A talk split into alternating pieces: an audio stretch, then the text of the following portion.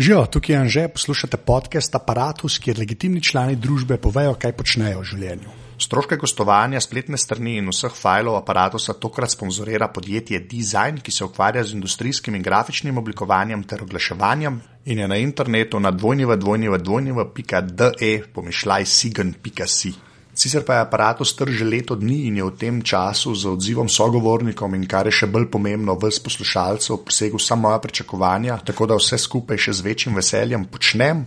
Tako da sem tudi na urgiranje nekaterih poslušalcev omogočil, da lahko tudi vi pomagate aparatu direktno, ne, ker sponzorji ne morejo vsega pokriti. Te intervjuje pa pač terjajo svoj cajt in jaz sem samo en model z mikrofonom in računalnikom. Tako da, če bi radi pomagali aparatu, greste lahko na aparatus.si/slash podpri, link bo tudi v vseh postih.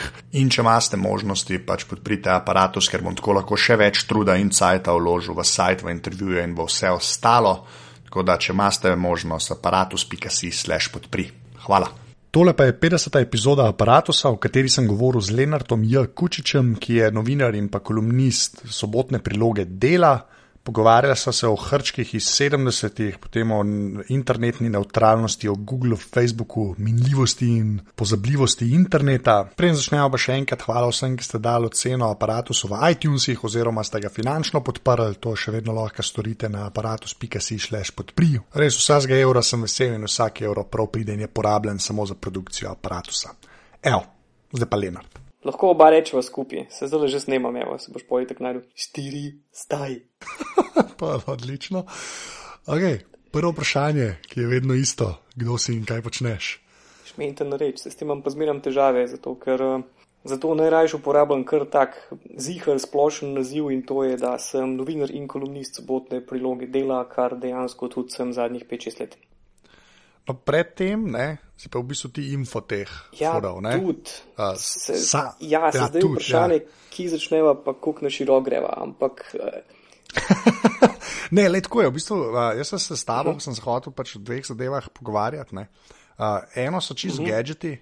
Uh, ker že toliko sajta to spremljaš, ne, da si eden od teh ljudi, ki je videl cel ta, veš, od 2 ure naprej, kaj vse se je zgodilo ja, s tem ja. hardverom. Ja. Pa mogoče še malo prej, ampak gremo reči, da tam nekje ne.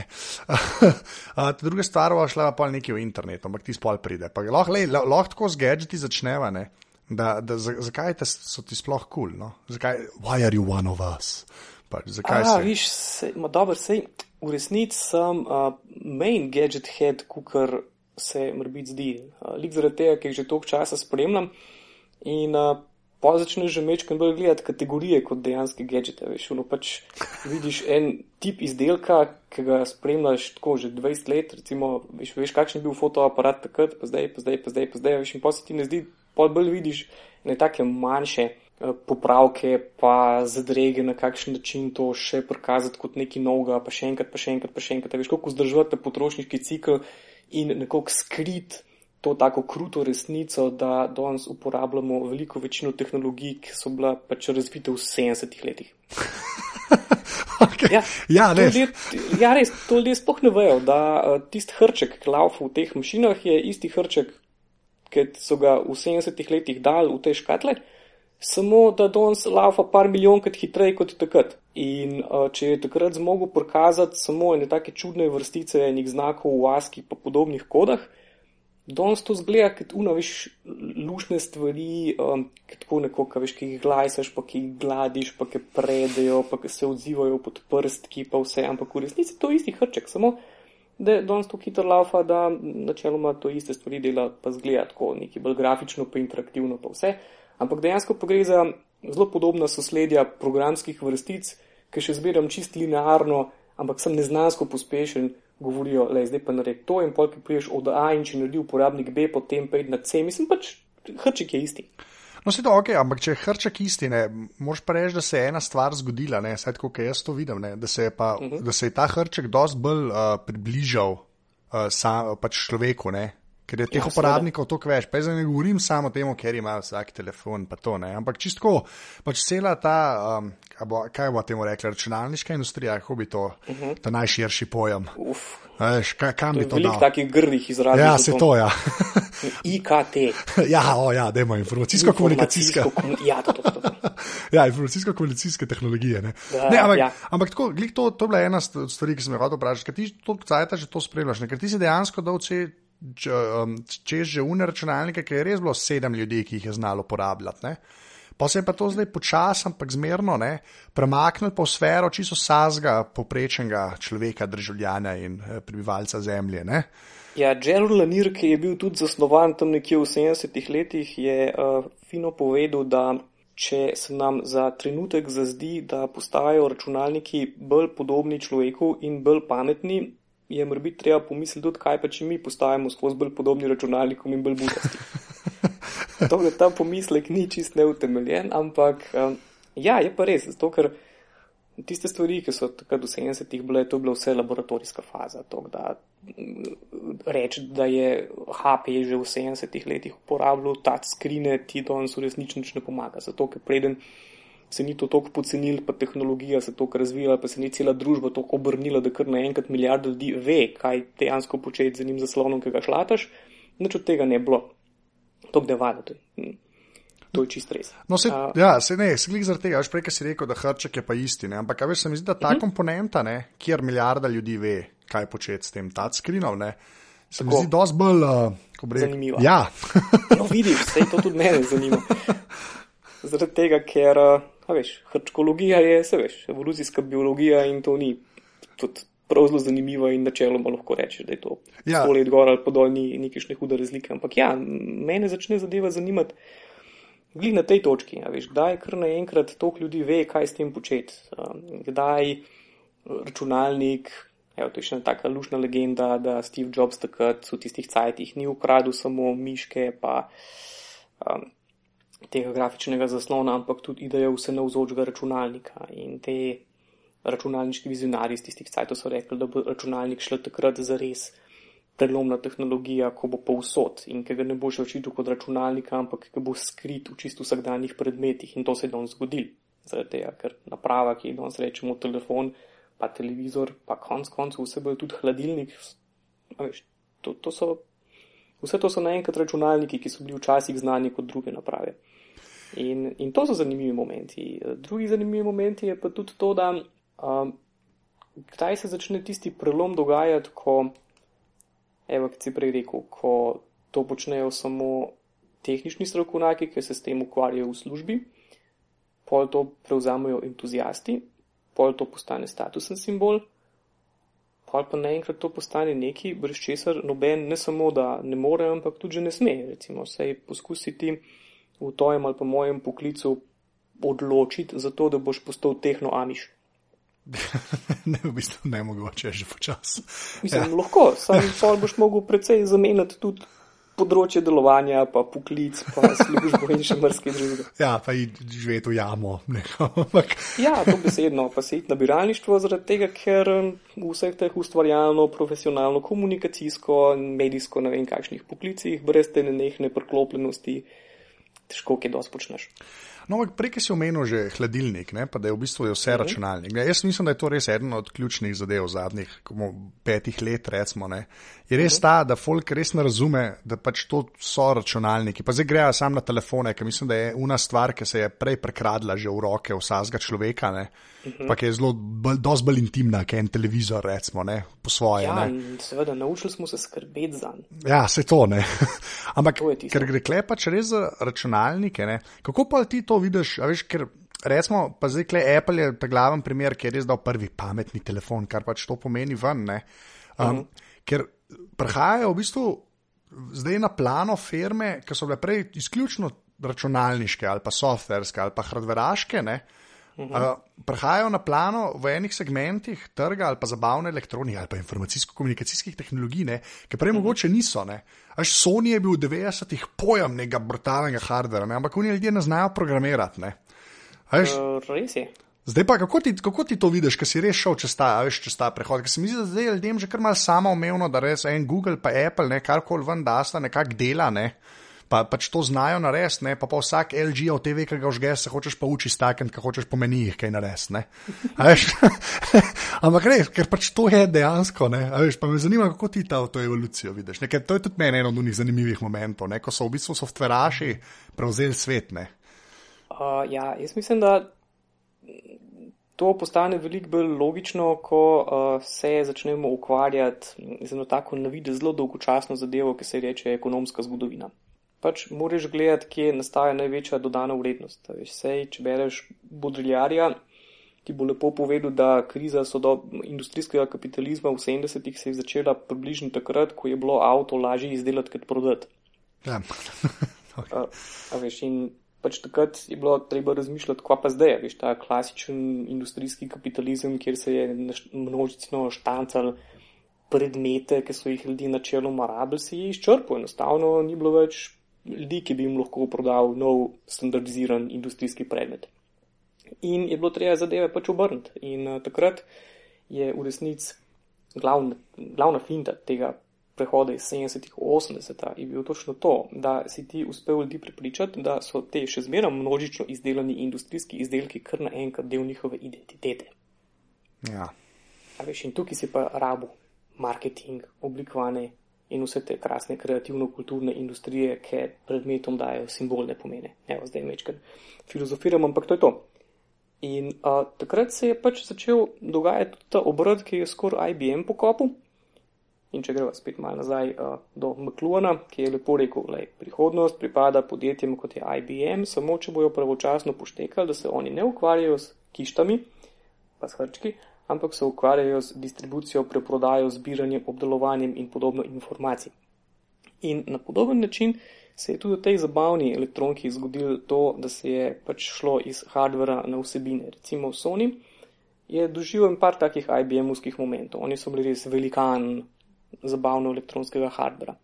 Ampak pa so pa na neki točki, ker so mal računali in so gotovi, da se jim tam razlika počasi ustavlja, so pa šli stavce več na glasbene založbe in na filmske studije. Ja. In Sony je zaenkrat edin od teh ogromnih konglomeratov, ki ne samo, da je hardveraž, ampak ima tudi ogromno vsebin. Ima ta velike filmske, ima en velik filmski studio in ogromno glasbeno založbo. Ampak takrat je prišel v to zanimivo zadrego, ker v, če se spomniš, on je bil absolutno kralj mobilne muske. Ja. Walkman je bil revolucija, čista. In on je bil na področju Walkmana enak monopolist, kot je pol precej pozneje bil Apple na, kaj so že bili, iPodi. Z iPodi, ja. Tako, e. Ampak takrat, veš, je pa malo hotel staviti na to, da bojo pa oni imeli predvsem velike vsebine, ki so računali, da je tam več milijard, kot samo v gadgetih, pa malo so že ugotavljali, veš, pa Kitajčki so že prihajali, pa Tajvanci so prihajali, pa Samsung, ki je danes taka fancy firma, je bilo nekaj, kar so še v moji srednji šoli hodili, a ti pa mame v Palmanovo kupiti in je bilo med pralnimi praški pod razno raznimi blagovnimi znamkami, Gold Star in podobnimi zelo ne fancy zadevami. Ampak to je prosto pa Samsung pa LG. Ja, itak je. Ja. Do, do pred kratkim. Medtem, ker Sony je pa na podoben način, kot IBM, ki bo prodal računalnike, razmišljal naprej, pa rekel, gledaj, Kitajčki prej, pa kasneje bojo povozili, maže so skozi nižji, vsi bojo delali, sem da se naučijo. Itak so že selili proizvodno, ampak so si rekli, da hardware bo vsak znal narediti, ki bo imel industrijsko, ki bo imel surovine, pa dost placa za fabrike, pa po možnost še pocen delovno silo. Kar bo mi, mi nočemo biti tam, dodana vrednost tam, kjer bomo mi še zmeraj veliki in močni. In tole so vsebine. So pa imeli mal tako idealistično predstavo, da bojo pa oni lahko te vsebine pa hardware tako lepo skupaj dali, da jih ne boš mogel ločiti. Memory stick, sorry, ja, povej naprej. Se vem, da ne so. Zdaj samo MP3 pa DVX. Ja. Na takšen način ti izgubiš popoln monopol na mobilnih predvajalnikih glasbe. Ja, tako da pač nečeš MP3 podpreti. Mm. Ja, so ga pa vsi drugi, a ne sem imel MP3, eh, mislim, kaj hočem reči, MP3, sem imel enega, uh, unga, ta prvih Sonjevih Walkmanov, si rabo ekstra program, ki je potem uh, spremenil karkoli v neke file, ki z neko Tiste, končnico. A, ja, ja, ja, ni ena stvar odpirala. in, točno to. In pa z DVX je bila podobna stvar. Ja, isto, ja. in, in bo pa zanimivo videti, zaradi tega, ker danes, uh, če ga je to v 80-ih, pa 90-ih, pa 2000-ih, recimo Sony je mečken nazaj držal pa zna to danes postati ena taka pomembna strateška prednost. To, da mene tudi tako, čisto do opazovalca, me zelo zanima, a prihajajo časi, ki bo Sony lahko dejansko končno uh, znov izkoristiti uh, hardware pa, pa vsebine. Ampak ja.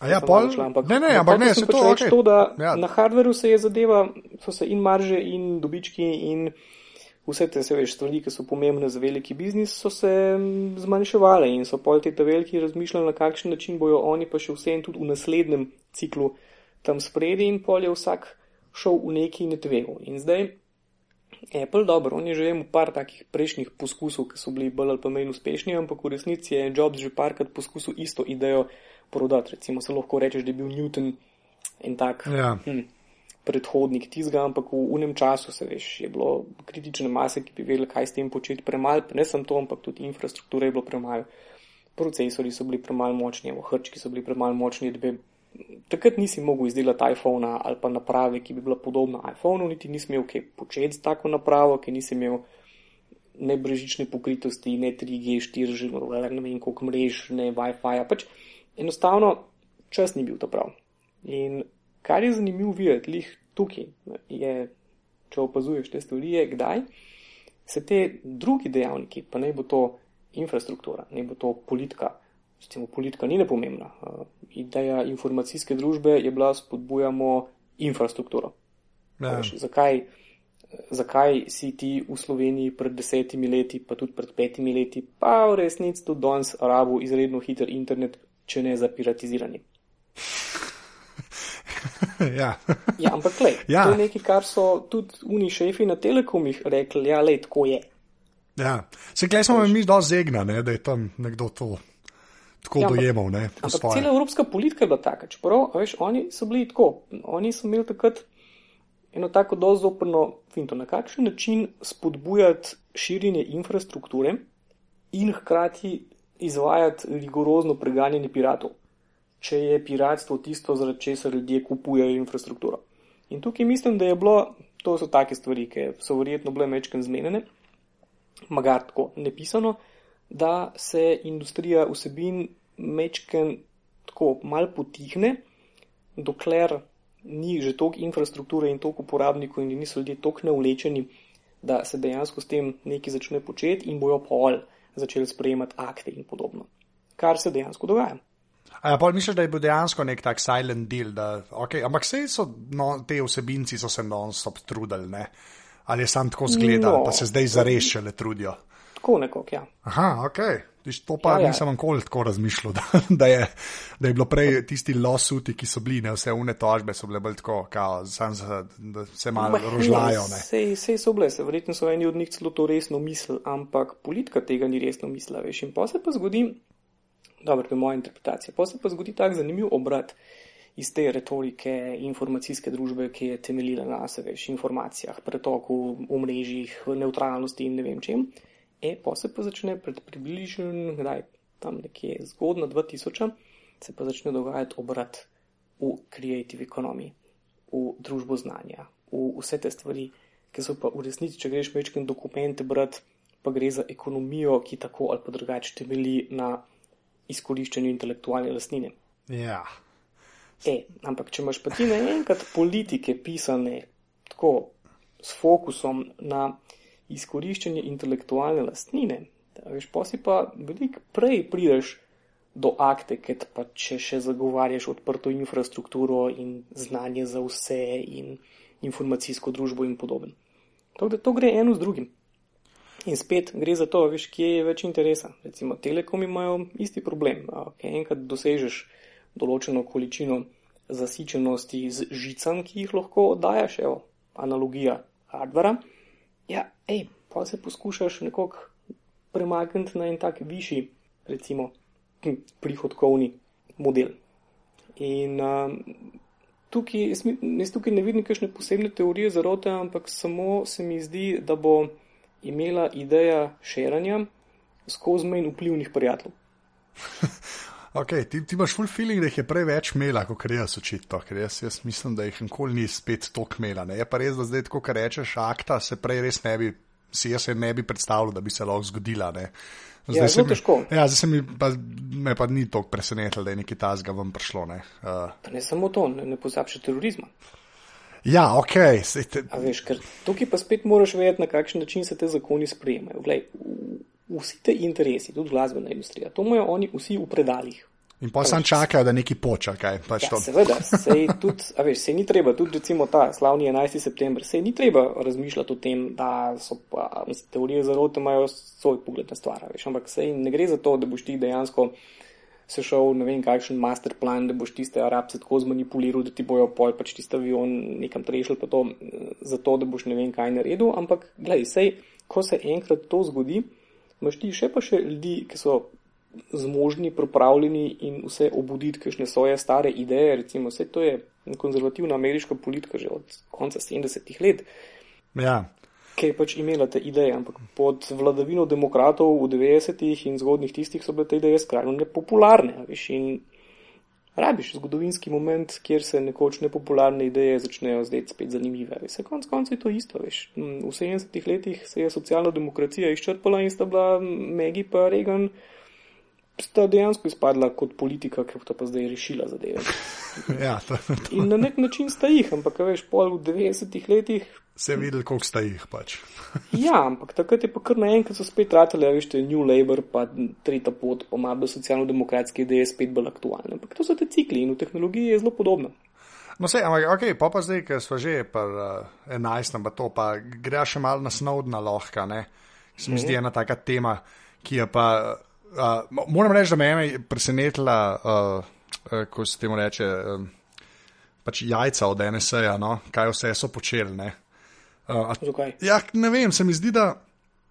Tako mi rekel, da, da, na tu, da na tujce gledajo, me sploh ni presenetilo. ta, ta del mene ni tako šokiral. Ne. Ampak to, da so pa isto delali s svojimi ljudmi, ne, pač da je bilo na ameriških tleh tok uh, mal uh, overne, to pa, to pa mene presenetilo. Tudi v luči 11. septembra, pa vse, kar so takrat sprejeli s tem Patriot Actom in vsem, kar je iz tistega zrastel. ne. Ali, ali tebe ni, ali. Mene ni. Aha, zakaj? Ja, mene tukaj bolj preseneča, zakaj to ljudi tako preseneča. Fair enough. Je ja, res, mislim, čakaj, to so spet, to so osnove, mislim, koliko je pa bila NSA sploh, na kakšen način se je pa sploh to začel. Ja, lej, to je bilo v drugi svetovni vojni na podoben način, kot so Britanci imeli Turinga uno enigmo krekali in tam je sploh prišel tisti prvi zares uporabno računalnik, ki je bil samo zato tam, da je krekel tiste kode. Ja, pa se to je to. Veš, sej NSA, kaj pa je NSA? NSA je predvsem institucija, ki se ukvarja z kriptiranjem in dekriptiranjem informacij. Ja, ne, sam, a veš, jaz, da, kleme je sam bolj to presenetilo, da so imeli ta neka tajna sodišča, ki je uno tajno Imajo sodišče. Se vem, sam se mi zdi, da se pravi, za tujino, ok, ko oni v tujini marsikaj delajo, ne, američani, ampak se mi zdi, da za, za ker se pa enkrat eh, domačih tal, ne, tam dotikaš, ne, je pa zmerno bilo tako škatlje, zato je bil Guantanamo v bistvu na Kubi, ne, zato dejansko nikoli ni bilo zares. Ne, na ameriških tleh, kao. Ne, a veš, ja, take vem, stvari so. Ne. Sam gledaj, kakšna je razlika med tem, da daš Guantanamo v Kubo in da ni glih čisto v ameriških tleh, ali pa da se zdilaš z britansko tajno službo, da tako oni za tvojimi državljani pogledajo, kadar je treba, in ti za njihovimi, kadar je treba, zato ker noben za svojimi ne sme uradno. Ja, ok. To... ja, ni ene, gledam. Ja, se. Veš, Ampak, To je prva stvar. Pol druga stvar je pa, mislim, da to so take čisto psihološke zadeve. Zakaj pa ne bi, če lahko? ja, dobro, Problem je sam. bil, ker ni bilo nadzora. No, vse to, no, vse to, vse ta nadzor, ne, se mi zdi, da je, da je klej zadeva šepala orang, ne. Ja, ampak lej, to je bilo postopoma. A veš, to prvo si ti imel, se veš, une, ultramočne tajne službe, še takrat, ko so pod unimi gospodi lovili komuniste, takrat so smeli tudi vse. Ja. Veš, sej NSA, čak, kako je že bilo, se tukaj so bili uni, ko so že bili projekti, malo na pamet govorim, ko so bili Šemrok, pa še neki. Ampak tukaj je ena taka lušna anekdota, ki mi je nekdo en sogovornik enkrat povedal, da se NSA so pravzaprav tako sploh odkrili, zato ker ta prvi to res bila no such agency, ko je en javni uslužbenc, ki je bil neki na javnih naročilih, neki gledal ene dokumente in je ugotovil, da je tam ena taka hecna proračunska postavka, ki jo ne more prepisati zelo nikomur in ničemer. Uh, naročilo pa je stroj, ki je sposoben uničiti ne vem koliko milijonov dokumentov na uro. Na kar je on malo razmišljal, čakaj malo, mislim. Kaj pa imamo mi tukaj v vladni ali pa nekje, ne vem, tu telepostavki za javno naročila, kerab, šredat, tako milijon dokumentov na uro. A tako so pa le ene sej dobili.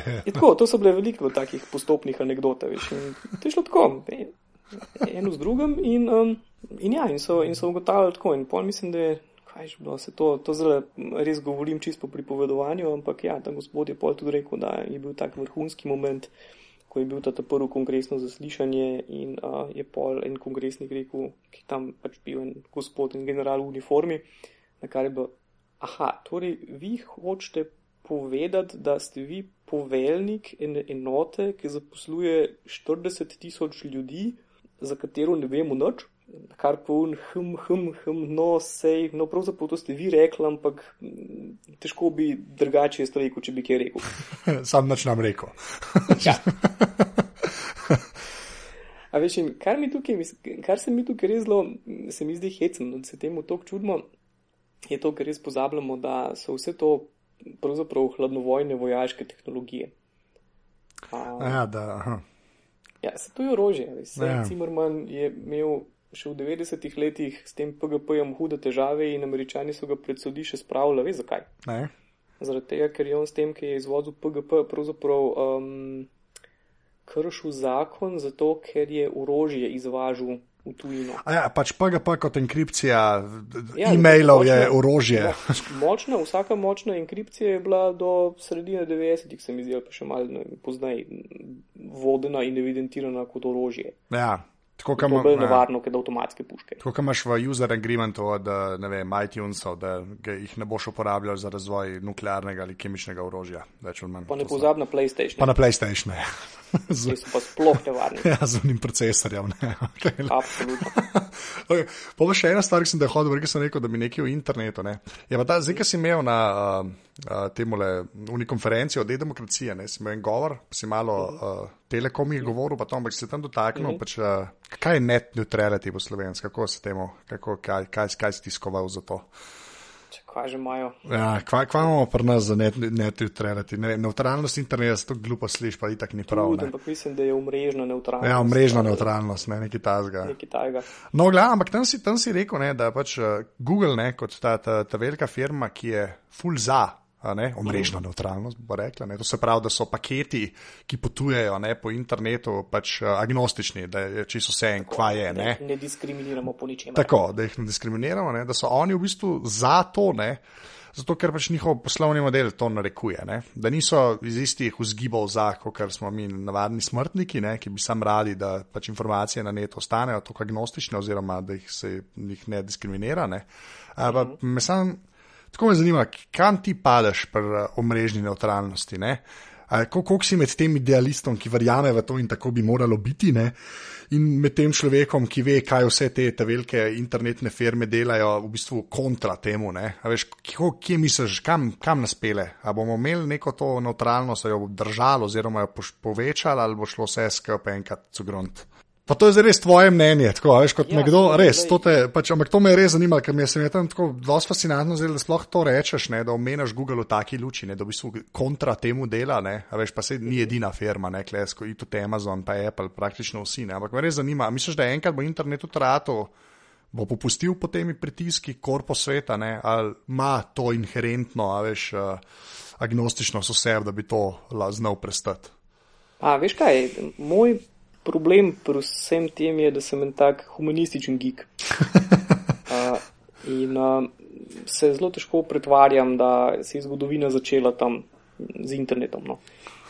In uh, ja, ja. Za, za navdihovalce, kaj tak, navdihovalništvo je en tak zelo, tudi, tudi tak fini biznis, v katerem včasih, včasih sprašujem, ali bi mogel biti v navdihovalništvu, zaradi tega, ker se veš, to je, to je tak super biznis, mislim, to ti izdajajo na kilometre knjig in imaš ogromno možnih predavanj na vseh mogočih dogodkih, če, če si navdihovalniš.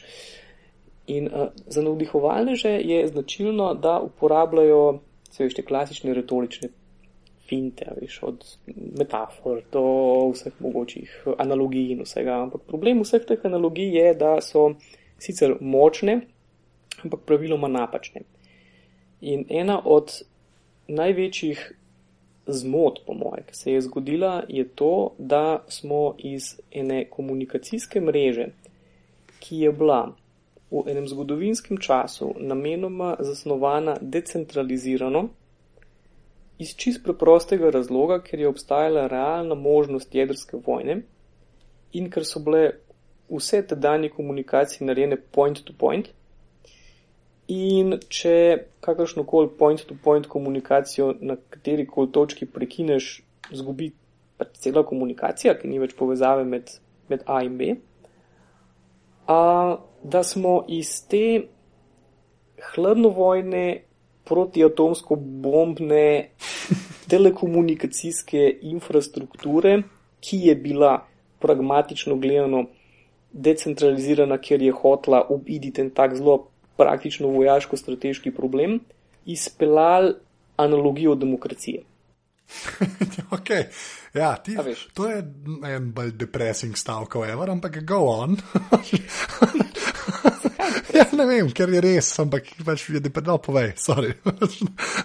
ja, veš, in pač v bistvu je full hate, no, zakaj vraga smo mi iz enega tajega skrajno pragmatične tehnološke odločitve noter dali vse naše stare razsvetljenske, modernistične in še pol poznejše upe v to, da pa lahko pa zgolj samo dejstvo decentralizacije kar naenkrat zamaje, a veš tisto, kar so že modernisti sicer videli kot to, ampak veš, kar so vsi tisti, ki so se vem, razno razni orveli in njegovi sodobniki, ki so predvsem v centralizirani moči, pa ne bo to države ali pa korporacij videli absolutno zlo. Ja in, in vir vsega hudega. Veš. In tukaj je bila ideja, veš, če pa mi to zdaj decentraliziramo, če razpršimo moč, se ne vem, kaj se skupaj zgodi, bomo kar naenkrat kaj.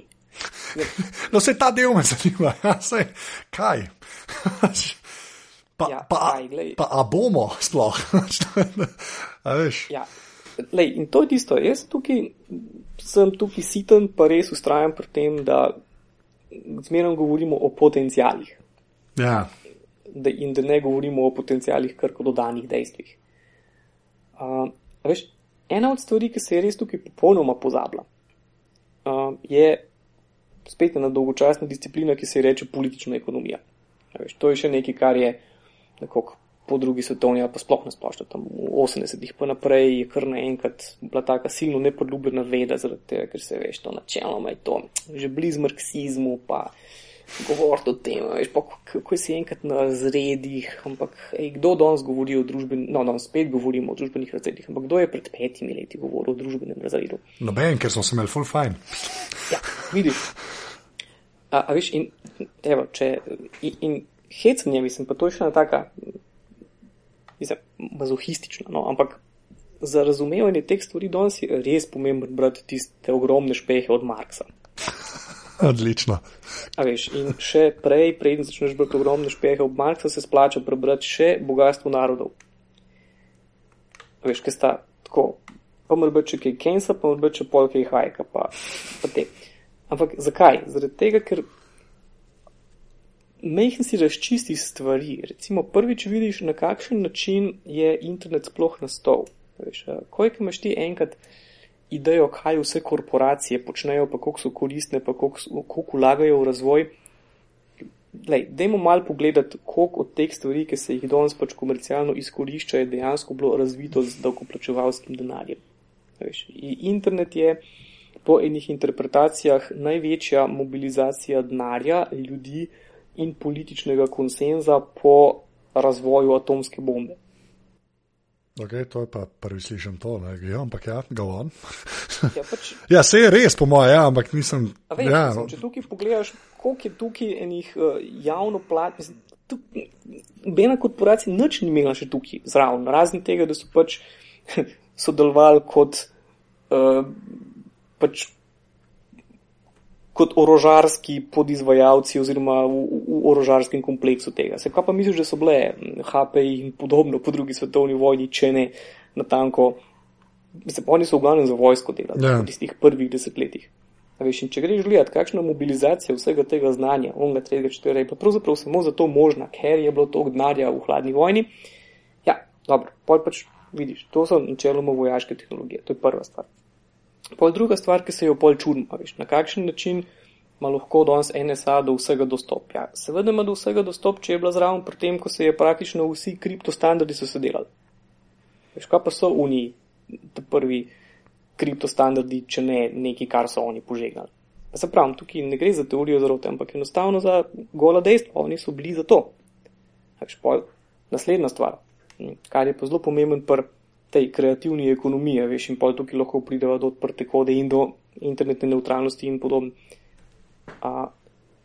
Zgodni te, sploh kulturni kritiki informacijske družbe, so rekli, evo, zdaj pa lahko pozabimo na marksizem, zato ker ima pa zdaj, in tudi recimo kakšen Anderson, pa izdelovalci, veš, taka ja. krasna, krasna, krasna literatura, ki ti pokaže, na kakšen način je mogoče ignorirati Marca. Uh, ki ti reče, gledaj, uh, v tistih cajtih delavec, no se tudi ta izraz ni popularen, ampak ustvarjalec, ni bil lastnik produkcijskih sredstev. A veš, ti si bil obsojen na to, da si mezna delovna sila, zato ker pač nisi imel dostopa do produkcijskih sredstev. Veš, ti nisi mogel fabrike postaviti. Ja. Veš, ti nisi bil lastnik stroja. In kar se je nekoga zdelo, veš, tam, ker smo šli proti letu 2000, pa to se je pa zdelo v kreativni ekonomiji, imamo pa mi, ne delovci, ampak ustvarjalci. Uh, pa kar naenkrat produkcijska sredstva v svojih rokah. In če vzamemo mi dva samo vem, tole, kar zdaj le počnemo, veš, vsak ima svoj računalnik, kišto, um, pogovarjajo se, kar, veš, vse, kar bo tole pogovor obdeloval in tole. Je dobro vprašanje, veš, lastnik česa ti ali pa jaz sploh sva. A veš, sva lastnika, kaj plastike pa tipkovnice. Ja, pa je pa. Softvera ne. Ja. Infrastrukture ne. Kodekov tudi ne. Ja. A veš.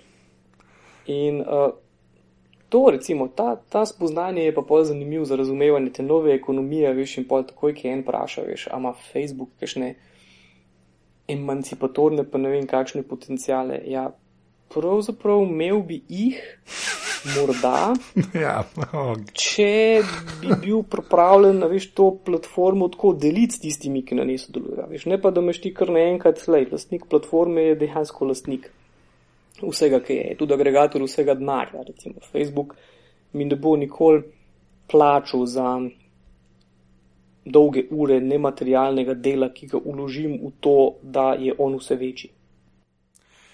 In kdaj to zdaj v pozitivo zavije, ali pač ne? ker rečemo, če pri kreativni ekonomiji ne, dejansko nismo imeli nič, ne. pa zdaj te makeri, ki mogoče si predstavljajo, da ko bojo imeli 3D printerje doma, bojo pa imeli, ne, bo imel delavec oziroma ustvarjalec v sodo v ja. svojih rokah, ne. kje se pa to izjelovi, pač kje pa. Še, de, še te sanje mi poteptej. Pač. ne, se heca, sem ne, se imaš prav. Ne, se to je to, se zaradi tega mi je bilo všeč, tam, kar si rekel, ne, dobro, tam si Google izpostavil, pa zdaj Facebook, ne, ki je res, ampak me res zanima, peč, okay, kaj pa pač ta temelj, ki je internet, ne, pa pol, če se sprijaznimo s tem, da je ratov iz hladne vojne, ne, ampak ima tok tega. Ja, seveda ga ima, ampak veš, le, ključ, slih to je. Ja. Jaz sam sebe nikako nimam za, ne vem, glum and doom tipa, buhvar, mislim, tudi nisem pesimist pa karkoli, ampak um, je pa res, da po moje, če hočeš začeti kakšno koli radikalno razmišljanje, moraš te prvo par balončkov popokati. True. Veš, zaradi tega, ker te balončki ti pa dejansko onemogočajo, da ti sploh jasno vidiš, kaj se tukaj v zadju dela. Veš, in teh balončkov je pa danes ogromno.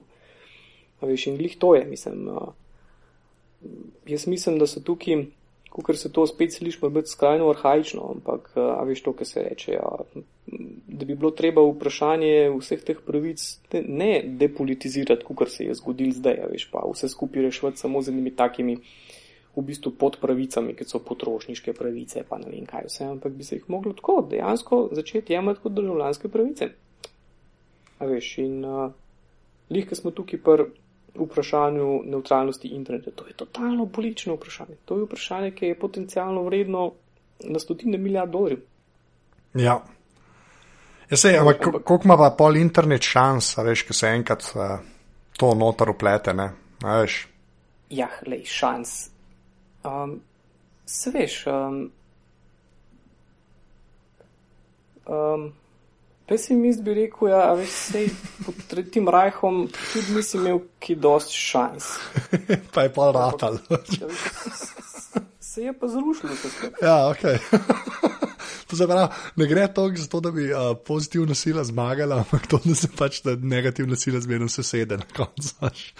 Ne, ne, ne, ne, vse to, ja. da z pozitivne sile ne bi šlo. Ja, ok, to je res, to je res, fair enough, to je res. Veš, ampak um, jaz mislim, da lej, se tudi sej, se vse zadeve dogajajo. Recimo v Ameriki ti kljub vsemu imaš veliko več ljudi, ki so pripravljeni razmišljati o internetu politično, kot pri nas. Kukaj imamo čez Ameriko, ne vem kaj zapovedati, ampak oni o, Ameri o, o, o internetu, pa o medijih, ki je še en tak moj področje, razmišljajo noro bolj politično, kot pri nas. Ja, sej, ampak, veš, ampak ja. oni imajo mehne te tradicije, da je treba iti na ulice, pa je treba kaj narediti, pa je treba biti mal aktivista, pa je treba res veš, ko aktivno, ne samo, da se neki, ko bomo mal, mal klikali, pa mal jamrali, pa ne vem kaj. Veš. Mislim, to so take zelo, zelo aktivne zadeve. Veš, ti recimo, če, če si. In pa seveda zahtevajo, kar je pa najhujš mečken konsistentnosti. Recimo, veš, kako boš ti, kako boš ti silen zagovornik internetne neutralnosti in hkrati fanatičen Applehead. Ja. Veš, to, to je težko, veš, ali pa ne vem, ste bila za protiglobalizem, ste bila za ne vem kaj. Veš, ni, ni, ni to tako enostavno. Veš, in se pač to laži, da pa, veš, da, da je eno politika, drugo so pa to je svobodne potrošniške izbire, s tem, da pač pozabiš, da je to je svobodna potrošniška izbira samo toliko svobodna, um, če si lahko prvošiš 700 plus evrov za najnovejši gadget. Ja. To so stvari, ki se jih tukaj ful pozablja in o katerih je treba veliko več razmišljati. Ampak um, pa misliš, da pri nas se o tem sploh kaj razmišlja? Se ne, ne, sploh... ne, to so pri nas. Ja, no, se to, ja. To so pri nas ne teme. Ja, se to. Ja. To so pri nas ne teme in včasih se nekaj pogovarjamo tako, no, da um, bi lahko že počasi razpisali, oziroma tako, da bi lahko že rekli, da smo že ne, deset let ali pa še več v enem takem uh, zanimivem natečaju za Kamijevo nagrado. To je šlo za ustrajanje ja. v absurdu. oh, wow. okay. ja. Ne, veš, ampak, ampak poj fajn zaradi tega, ker spet dobiš v tem eno malo drugačno, veš, ker njih to, če pogledaš, ne, Snowden, ja, lej, kdorkoli se je malo ukvarjal s tem, mi smo vse to vedeli, veš, vse to je bilo itak jasno, veš, in ključno je bilo to, da je prej lahko prevladala kultura zanikanja. To, to se je zdaj prvič zgodil ta obrat, ki prej si recimo ti lahko, kad raziskovalni novinar, no ne vem, kje je prišel, pa so vsem lahko rekli, a veš, so to odpravili z idejo ali no comment ali pa, ali pa državna skrivnost. Ja. Uh, a veš, in ti si lahko sicer rekel, da vsi mogoči indici kažejo, da se nekaj dogaja, pa vse, ampak nič pa nismo v rokah. Veš, in zdaj, uh, ključno je, da so te ljudje naenkrat, tako po zelo dolgih letih eh, miru, spet bili prisiljeni v eno tako obrambno držo. In lepota vsega tega pa je, da če ti ljudi, ki so zase sveto pripričani, da delajo prav, prisiliš v obrambno držo, začnejo delati hude neumnosti. In uh, se mi zdi, da odkar spremljamo vse skupaj, še ni bilo tok nekoga tajega, še zmeraj mi tega mal. Ampak se mi zdi, da se javno mnenje kljub tem prvič mečkano obrača proti temu. Pa da se ta zavest ustvarja, da mogoče.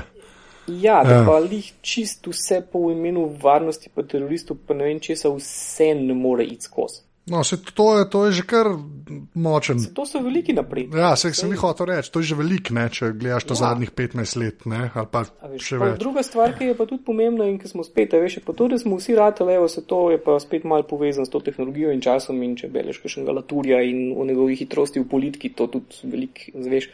Da smo pa mi fulno učakani ratali, veš, mi pozabljamo, da je to vse skupaj izredno mal časa med nami in uh, ta fant, avstrijski študent, ki sem se takrat menil, Mač Remski, je Facebook poskušal tošti, je dal eno tako res fino metaforo, ki jo rad uporabljam in to je, da se, če se danes ukvarjaš z vprašanjem zasebnosti, se počutiš tako, kot nori okoljevarstvenik v 70-ih letih. Zato, ker takrat so te tudi vsi čudno gledali, če si tam po eni reki brodu, pa z njimi vodnimi vzorci skojene pesticide in tam kričal, ljudje zastrupljajo vas. Ja, a veš, danes smo pa na to tako zelo občutljivi in mislim, da bi se že tukaj v Sloveniji lahko pač en okoljevarstvenik tam ene pesticide nekje najdu in rekel, ljudje zastrupljajo vas. In tam lastnik tovarne bi se pa delal, da se ga to sploh ne briga. Mm, ne bi šlo več skozi. Ja. To mislim, da je ta, ja, to je ta najbolj upbeat pozitivna stvar danes, da, ja, ampak ne, to je res. To je, ja, to je, klep se jaz kar strinjal, da en miselni preskok se mislim, da kar dogaja počasno. Vse, veš, ja. tudi tisto, ki se, um, ja, res je, da pač mladini danes mečken manjka sposobnosti političnega razmišljanja, ampak spet. In to ni za zamert, zato ker živijo v državi in družbi, ki ne ve, kaj je politično razmišljanje. Veš, mi, um, kar je seveda nujen predpogoj. Recimo, mi smo družba, ki ne vem za, točno zakaj, ampak nismo še razčistili niti temeljnih pojmov. Recimo, kakšna je razlika med politics pa policies. Ja. Recimo, um, veš, zakaj politična pripadnost ni samo to, a si za Milana ali pa za Ivan Janeza. Veš, to je tako, zelo. Človek bi rekel, da smo mlada demokracija. Ne? um, Lej, ja. ja, pa ne samo mlada demokracija, ampak veš, ti, to so stvari, ki, ki rabijo čas. Ja, no vse to, ja, sej, sej. Če ti nekoga že v družini ne slišiš drugačnih pogovorov, zakaj je to početi, pa če ti ne vidiš, ne vem, kakšnega zgleda, da kakšen to je starš ali v enem lokalnem okolju, ali pa magar za hobi, ali pa v vseh teh mogočih civilno-družbenih zadevah neki počne, ki so šti tega nalezu. E. Veš, tukaj recimo nekaj manjka, ampak po drugi strani, veš, je pa spet govoriti o tem, da so pa, ne vem, mladi neko pasivni, pa spet ni, ni nujno res, veš, in tudi, um, kar se tiče rabe tehnologij, ja, seveda, mislim, jaz sem tudi študenti, ne, s podiplomskimi študenti humanistike, ne, sociologije in podobnih, imam hude težave, a, če jim recimo, kaj jaz vem, a, zastavim vprašanje, a ste kdajkoli razmišljali, kaj vse vpliva na to, kaj se pojavi na prvi strani Googlovih zadetkov. Ajš, z tega jaz ja. lahko izpeljem celotno politično ekonomijo telekomunikacij danes in interneta. Ajš, ker vse to, o čemer se danes pogovarjava, se odraža na prvi strani Googlovih zadetkov. Kako do tega pač?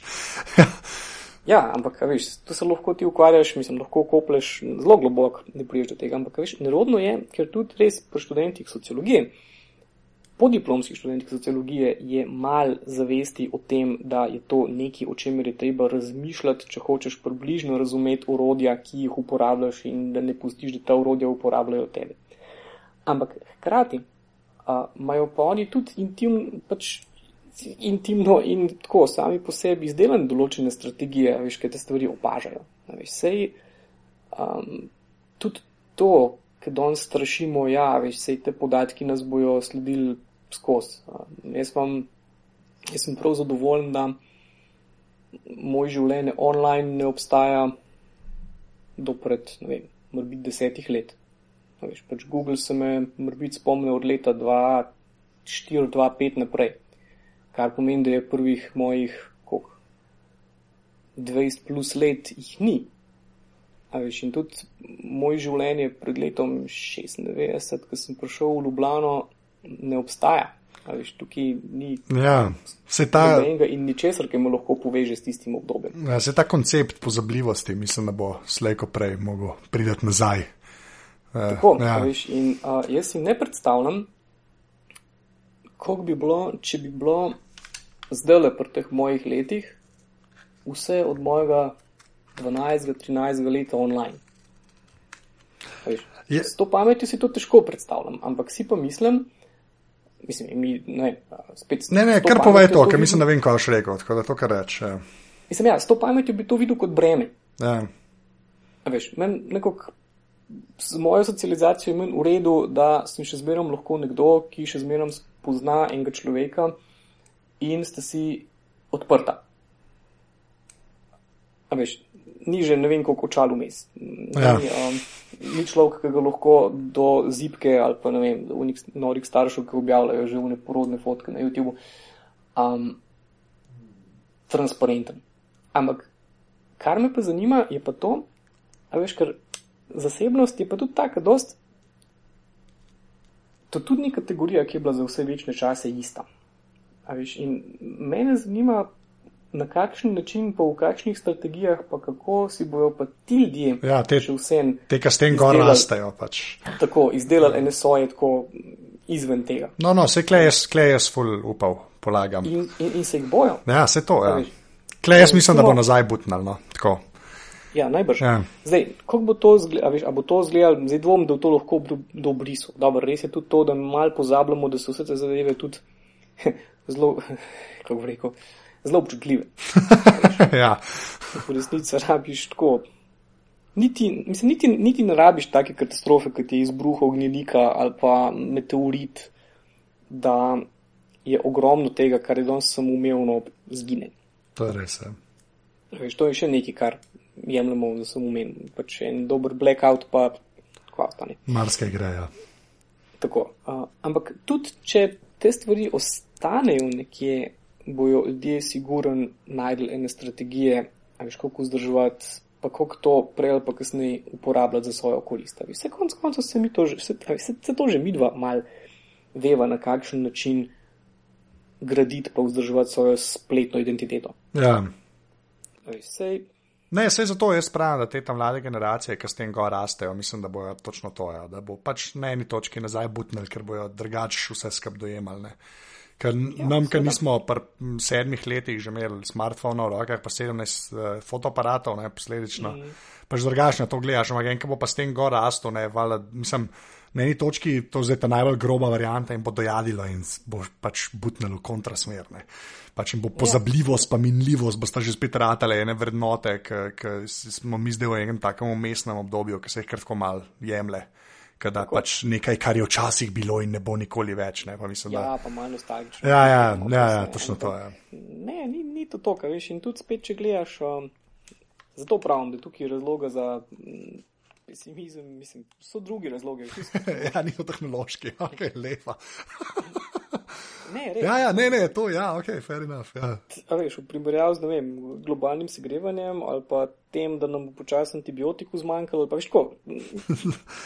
Kupa še nekih Ja. takih stvari, ki so veliko bolj problematične, kot Točno to. Se nam zaradi. Google, no. Ja, Google, ja, to sem se hotel Facebook reči, ampak ja, ok. ali pa Facebook. mislim, Kakorkoli obrneš, bi se saj za najno življenje lahko si predstavljam, da bi preživela tudi brez njega. no. True. Uh, no, uh, zdaj pa, lej, lahko greva še na strojno in programsko uh -huh. opremo tvojo. Uh -huh. Tako da um, te bom prvo za strojno vprašal. Uh, Uf, cajt. ja, ok, ne, ne. mislim, zdaj pa ne, tako. ne, mislim, do, ne, ne, dolg cajt, kar se mene, ti- um, kar se moje uporabe tiče. No, no, no, sej zdaj, ampak Je me, to me dejan, de, dejansko uh, zanima. Si. No, da je povej, da nam, da nam kaj prejudiciral. Ne, povej, povej. Ne, ne, ne, Ajde, ne, ne, ne, ne, pa ti povej, no, no, kam mi A predpisuje. kaj ti jaz predpisujem? Jaz ja, mislim, da si ja, ja, ja. na Vinsih, to si skoraj upam Ja. ja. reči. Da ni, da ni tok, da bi šel na Linux, ne, ampak si na Vinsih. Pa, Imam dual boot, ja. Imaš dual boot, sem se zavedal. Tako, ja, nekaj. Ja. Oh, wow. Linux imam tok, da, da, da, da imam uč na njemu in da približno vem, kaj se Kaj se dogaja. dogaja? Ja, da- okay. In da imam tudi kakšno mašino, ki je tudi čist na Linuxu, zaradi tega, čist, ki me zanima, a veš, čist zaradi tega, da vidim, a, a, a lahko se na neki točki odločim in grem tudi z Windowsa dol. ja, okay. Ampak, Ampak ja, ja. absolutno sem pa tako, že, že več čas pragmatičen Windows uporabnik. oj, a imaš uh, laptopa ali uh, ma, tako, ta glavno mašino tam samo vprašal, tako kot vse. Pač. Kaj, kaj je, imaš nekaj, ki sabo nosiš ali je na mizna?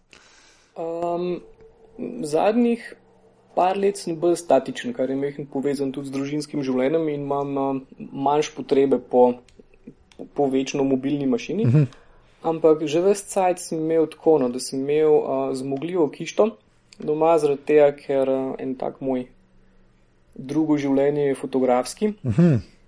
In uh, tam laufajo take reči, kot je tudi dober monitor, pa, kakšen- pa, pa, pa film skener, pa skener. Veš, tako pač Ja, ja, pač. klasična, ja. kar je tudi bil eden od razlogov za, za ustrajanje na Vinsih. Um, pa tudi zato, ker velik del te moje zgodne novinarske kariere je bilo z, saj po Evropi z Mac mašino po tiskovnih konferencah in dogodkih hoditi groza. Zato, ker enostavno z manj smole nisem imel kam priklopiti. ja, okay. ja.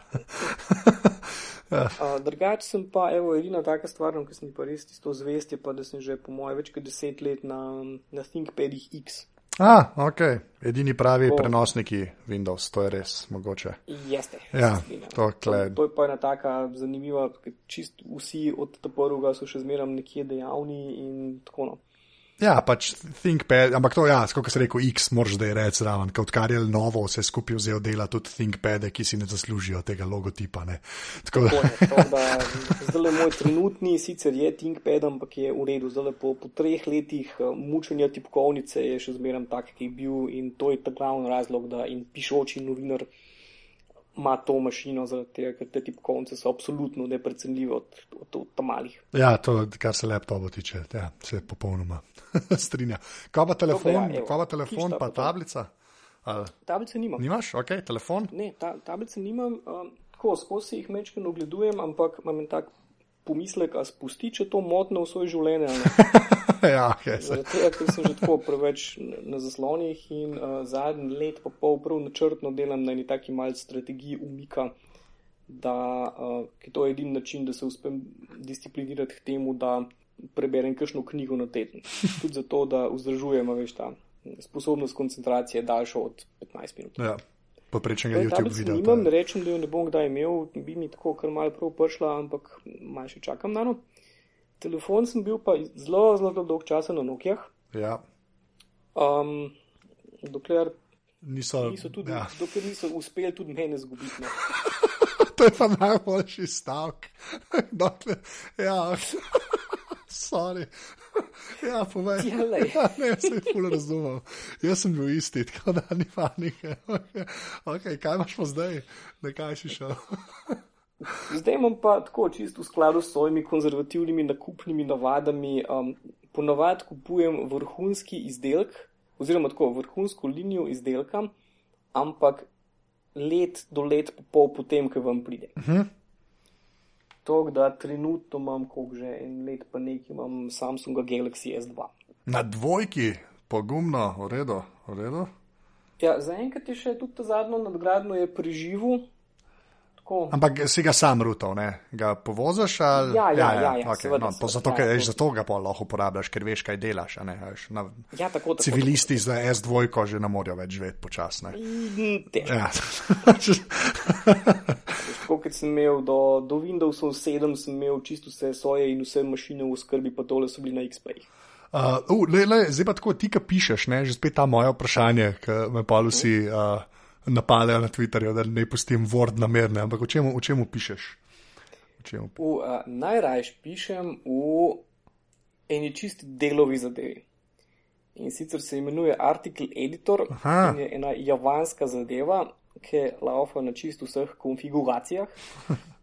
Uh, in je, hm, kot sem se zdaj pogovarjal s tem zadnjim svojim obliko, oblikovalcem, a veš, težko ti opišem, zakaj, ampak se mi zdi, da vsi, ki smo na delu dali tako par let dela skozi, um, smo se tako navadili na to, ker je, veš, čist preprost je. Tu je en tak Java app, ki samo imaš tako neke vrste oblikovanje, to novinarsko veš naslov, mednaslov in vse. In na tej presneti zadevi jaz točno vem, kje sem s tekstom. Ja, ok, to je. Ja.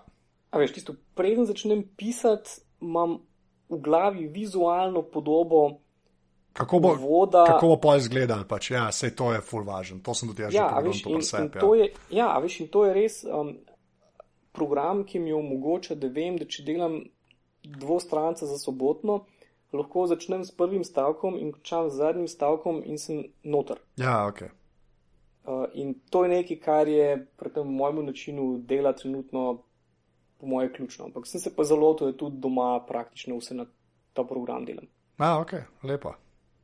Da, Ja, ampak to ful, ne to ful razumem, da ti da vnaprej veš, da lahko konceptualiziraš v glavi, kje, kje, koliko Ja. je teksta, pa to, to ful štekam. Ja, to vse. To moram imeti, veš, tukaj imaš zelo tak različen pristop, tudi na sobotni imamo take, veš, eni, eni imajo ta pristop, da so bolj, um, veš tako, da, da te prvo z brainstormajo, pa pol čistijo. A Veš, Ja. Eni dajo malo več, pa pol manj, en ne vem kaj. Jaz sem prav, odkar sem prišel z Anglije, ker tam mislim, se je bil en razlog za to in to je tam bil vse skupaj tako namontiran, da nisem mogel imeti še en par dni ali pa ne vem česa časa za postprodukcijo. Veš, dejansko ja. sem se mogel spraviti pisati in na mero napisati stvari. In ta disciplina je pa tam ratela tako močna, da to še zmeram delam. Uh -huh. Veš, če mi rečeš 12 tisoč znakov, začnem pisati, neham pisati in sem znotraj 3%. Veš, ali jih je, ne vem, kaj končam, ali jih je 11 900 ali jih je po 12 100. Ja, štek. Veš, ja. Ne da sploh pogledam na word count. Štekam, ja. Pač to je čist način dela. Okay, kaj pa na telefonu, une epe, ki jih res uporabljaš? Pa ti bolj mal. No, vse, ok, pa unih, ki jih bolj mal, ne parih zihar. Ne? Gledam na svoj začetni zaslon, zato ker skoraj nikoli ne pridem naprej. Gmail, Ja. Twitter, Opera, K9 mail, Okay. kamera, gallery, Dropbox, Clock, Koledar, Memo, Voice Recorder, Flashlight, Sigik, Redphone, pa Text Secure. ok, vse, vse sem prepoznal in vsi so, tako kot si rekel, dosti generični. Pač, ja. Popolnoma. okay. Pol tam na, unih drug, na naslednjih zaslonih imam pa na enem zaslonu imam pač vse te koristne ljubljanske storitve, veš pač zemljevidi, odpiralni časi, kino sporedi, dogodki, pa ne vem kaj. Pol na tretjem imam, huh, ja, se eBay, pa pol na ta zadnjem te medijske vsebine, pač Guardian app in BBC app in Kindle in ne vem kaj vse. Okay. Res, to je čisto Ne, nobeno. ne, vse je ok, zdaj, fair enough, tako, tako kot je. je ne. pa pa še uh, moje zadnje vprašanje, ki je tudi vedno isto. Če bi mogel izpostaviti eno fizično stvar, ki je na ter naredila vtis, oziroma ti spremenila življenje, lahko jo še imaš, lahko jo nimaš več. Sam tako, da ni človek, pač mora biti nekaj, kar lahko roko primaš. Kaj bi to bilo? Ruska kopija size ikona. Ruska kopija, to za nalaž. Ne, tako je bila, zato ker Ja. drugi, če nisi bil glikitov fotograf, nisi imel originalnega size ikona. In uh, moj pač stari oče je bil uh, zelo zagret ljubiteljski fotograf in jaz, ker sem bil lih tako dosta velik, da sem hodil z njim na sprehode, se mi je zdel nekaj najbolj skrajno imenitenega, da sem lahko kdaj okoli vratu tisto reč imel. Na kar je pa se tam v tiste konce preselil en gospod, star fotograf, pa to, ker ste se zelo spoprijateljila z mojim starim očetom in enkrat, ko so se prs prehajala mim, je eh, tisti gospod pač videl, lej, lej, a ti imaš pa tole fotoaparat, a pa tebe to zanima, a bi ti tudi kaj slikal, na kar sem jaz seveda kimun to, da mi je skoraj glava odpadla, a, na kar je pač šel v ene svoje prostore in prinesel eno tako staro 6x6 jašiko, mi dal film noter in rekel, "Le, zdaj pa tistem neki nared, pa pa po konc filma pa prid do mene. In um, to se je pol nekako začela pri njih, kaj si, v sedmih, sedmih, osmih letih. In tam nek malo, pomorod, ki še let več. Tudi ta moj drug življenje, ki me je pa tako dost, dost določil in je veliko povezan z mrščim, kar sem v življenju doživel, preživel in tudi je mi veliko dal ene take šole gledanja, ki se je krasno ujela s tem programerskim, pa knjižno-molskim, še ta fotografski del, ki pa je res taka fina šola gledanja in mal tudi zenovstva, se mi zdi. ja, zenost. Tako da, ja, recimo, če bi res mogel iti na, na, na, na predmete, sta dva predmeta, ali res ta, ampak ja, ta, ta po moje bolj, no. drugi pa lahko bil, ki je pač oče iz daljnega vzhoda prvič prinesel neki računalnik podobnega. Ker se mu je samo zdel, da je to nekaj, kar je pa fajn, če njegova sinova mata. Uh, in pač ni pa bil tok pr stvari, da bi pomislil, da v teh naših koncih tega noben ni znal uporabljati. Ni bilo mogoče ne dobiti, ne kupiti nobenega programa za karkoli in zato se je najna prva šola računalniška začela s tem, da sva eno skrajno eksotično japonsko zadevo, ki glih, ni imel pismenk na tipkovnici, to, ki je že gledal, no, ampak da sva dejansko iz tistega uspela iztisniti neki prvim programom in še čemu podobnega. To, da lahko med tema dvema zbiram. No. Okej. Pa seveda tretja stvar, pa pol knjige, ampak pa sem pa že počasi tam, evo, knjige, računalniki, fotoaparati, pa, Ja. pa sem že kar Pos pa že ti, ti, a veš, pač. blizu, pa sem pa že blizu. Uh, Le Lenart, najlepša hvala. Uh, Tudi tebi. uh, to, to je bilo to. Tako da zdaj sam še povej, kje te lahko ljudje najdejo na internetu. Najdejo? Ja. Ja, dobro. Na Twitterju si kaj, kako si na Twitterju? Jaz to sni, jaz ne pozabim te handle ljudi. Kaj si? Na Twitterju sem L.J. Kucic. Tako je. To drugače pa uh, delo.si sklepam. Delo.si je tak najbolj zihar mail. Zdaj, če me bojo spamali, mi lahko tudi na gmail.com kaj napišejo. Uh, drugač pa največ v mojem življenju, liku, delu in ne vem česa je na lenartkucic.net. Aha, imaš net, lepa. Pa nisem jih takrat vedel, kaj vzeti, pa sem pa vzel. Vse, takrat, takrat so vsi vzeli net, ki je izgledal najbolj internetno. ja, takrat ni bilo EU, ne, čeprav jaz nisem jih tako zgoden, veš, mene so tudi v Angliji prsili. Da, ja, da se je nekaj zgodilo. Okay. Res, res, zaradi tega, ker veš, jaz sem bil še vse malo preveč, to, ja, pa zakaj, pa, pa ne vem kaj. No, mislim, ja, Anglija je bila tudi taka, po moje, za, za me zelo pomembna izkušnja. Ampak ja, ena od stranskih učinkov je tudi to, da od Anglije naprej imam svoj website. Lepa. Se veš. Sobotna in nasplošno meni tako grozno težko najti. Ja. to je res. Uh, uh, evo, Prav. Evo. Evo, hvala za vabilo. Hvala tebi, ker si se odzval v Zdaj, podpiram, podpiram projekt, podpiram projekt. Najlepša hvala. Sem poslušalec. Tole je bila 50. epizoda aparata. Mene najdete na Twitterju pod afnaanzet, imam tudi mail anzeafnaaparatus.si, tako da me lahko na Twitterju in prek maila težite. Aparatus ima zdaj tudi že neki cajt, Facebook stran, to tudi najdete na facebook.com slash aparatus.si, tam gor tudi objavljamo, kdaj so nove epizode od zuni. Drugače pa pogledajte še ostale oddaje na aparatus, to so glave, ki jih delam s pižamo, pa podrobnosti, ki jih delam z Bokijem Nahbarjem in pa se tukaj še pivotiranje, ki ga trije fanti delajo in je oddaja o košarki. Še enkrat pa, če imate šanso, pejte na aparatus.si šleš podpri, kjer lahko finančno podprete aparatus in tako meni omogočite, da še več truda vložimo tole. Evo, je naslednjega tedna to. Čau!